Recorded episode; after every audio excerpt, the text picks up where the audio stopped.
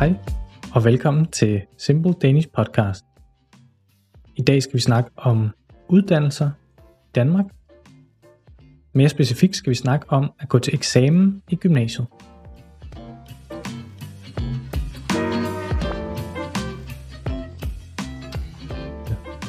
Som vi måske har hørt, snakkede vi i en tidligere episode om at gå i gymnasiet i Danmark. Denne gang skal vi snakke mere om, hvordan det er at gå til eksamener i det danske gymnasium. I Danmark er der mange elever, der får stress over deres karakterer i gymnasiet, og det er der, fordi det er de karakterer, som afgør, hvilken uddannelse man kan komme ind på efter gymnasiet, hvis man gerne vil læse videre. Hvis man for eksempel gerne vil være læge eller læse Øh, international business eller psykologi, så skal man altså have gode karakterer i gymnasiet for at have en chance for at komme ind. Den karakter, man skal bruge for at komme ind på universitetet, er blevet beregnet som et vægtet gennemsnit af alle ens karakterer fra gymnasiet.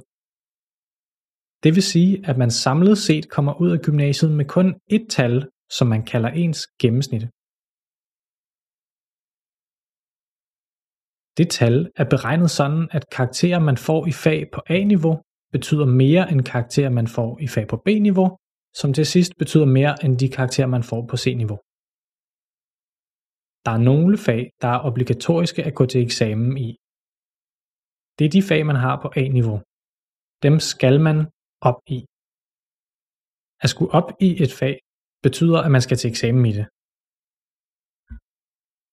De fag, man har på C- eller B-niveau skal man ikke nødvendigvis op i. Det er i stedet for en lodtrækning, som afgør, hvilke fag man skal til eksamen i. Hvis man nu ikke går til eksamen i et fag, er der i stedet for noget, som hedder ens årskarakter, som tæller i stedet for. Det er den karakter, som ens gymnasielærer vurderer, at man vil få, hvis man var gået til eksamen. Den karakter bliver givet ud fra, hvordan man har klaret sig i faget i løbet af året. Har man for eksempel afleveret sine opgaver? Har man deltaget aktivt i timerne? Siger man fornuftige ting, og forstår man generelt faget på et højt niveau?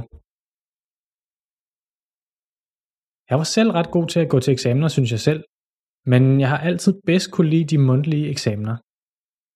Jeg synes, de er lettere end de skriftlige, fordi man kan se og høre på ens lærer, om man er ved at svare rigtigt eller forkert.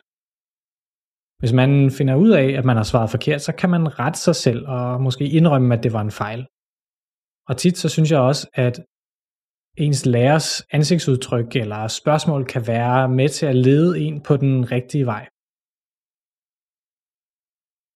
Når man går til mundtlig eksamen i Danmark, får man typisk en masse emner på forhånd.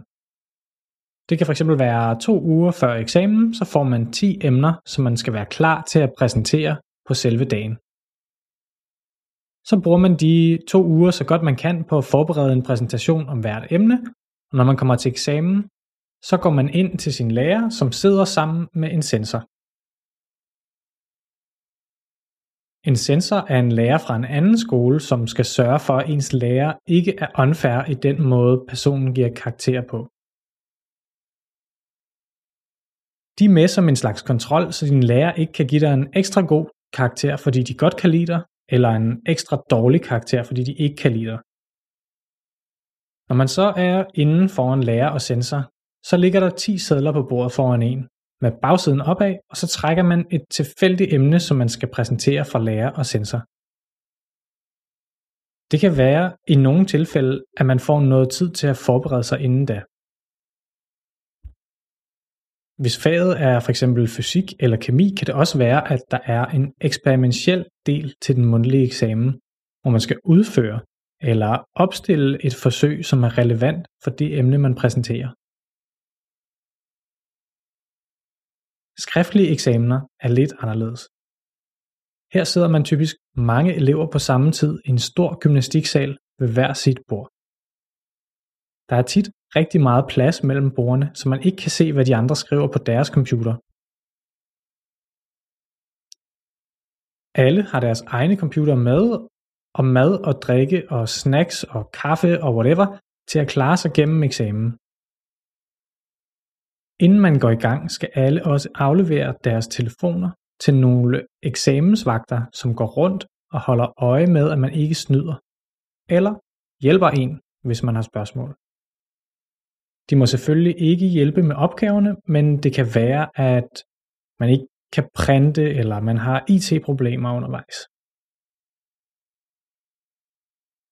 Eksamensvagterne er typisk pensionister, som har tid og lyst til at hjælpe til. De bliver betalt for arbejdet, men jeg synes alligevel, at det er meget hyggeligt at se en masse ældre mennesker hjælpe den unge generation med deres eksamener. Hvis den skriftlige eksamen for eksempel er matematik, så får man udleveret et sæt opgaver, som man skal lave på tid. Opgaverne starter typisk med at være lette og simple, og så bliver de mere og mere komplekse og mere abstrakte til sidst i opgavesættet. Hvis det er en skriftlig eksamen i et sprogligt fag, så får man også udleveret nogle opgaver. Men her er forskellen, at man selv kan vælge, hvilken opgave man vil løse. Det kan være, at man kan vælge mellem at analysere en kort historie, at skrive et essay om tv-seriers popularitet, eller skrive en litterær artikel om to digte, som de udleverer. Når man har færdiggjort sin sidste eksamen i gymnasiet, bliver man student, og man får hue på. Det er ikke en vinterhue, men en særlig studenterhue, selvom jeg nok mere ville kalde det en hat. Hvis man har gået på STX, er hatten hvid med en rød kant og en sort skygge. Jeg lægger et billede op på vores hjemmeside, så I kan se, hvordan den ser ud. Hvis man har gået på de andre typer gymnasier, som vi snakkede om i sidste episode, så ser den anderledes ud. Det er en tradition, at man skriver, hvilken karakter man fik til den sidste eksamen inden i hugen, og at alle ens venner også skriver en hilsen til dig inden i hugen. Efter eksamenerne kommer studentervognskørselen, og her bliver det vildt. Hvis I har set filmen Druk, har I måske en idé om, hvordan det foregår.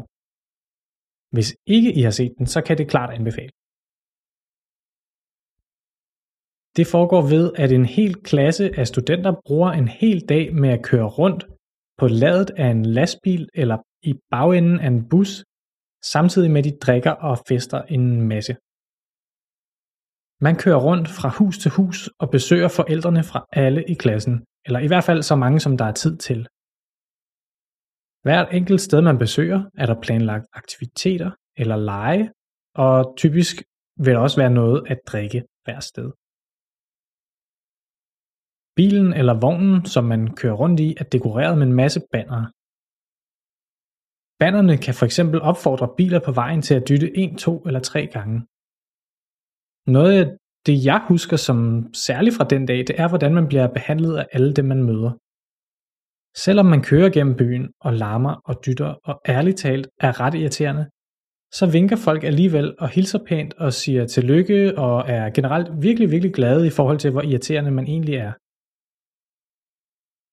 Det er en dag, jeg aldrig selv vil glemme, og hvis I er i Danmark i slutningen af juni, så kan I med stor sandsynlighed høre eller se studentervogne køre rundt med en flok glade studenter i hele Danmark.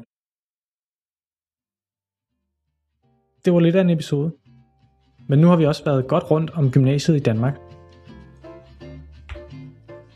Vi har snakket om, hvilke typer gymnasier man kan vælge, hvilke fag man kan have i gymnasiet, hvilke niveauer der er, de typer eksamener, der findes, og til sidst om at blive student og køre i studentervogn.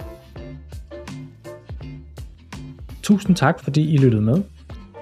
Som altid kan I læse mere på danmarkandme.com, hvor I også vil kunne se en transkriberet version af episoden. Og hvis I har ris, ros eller ønsker til fremtidige episoder, så hører vi også meget gerne fra dig. Tak fordi du lyttede med. Vi ses.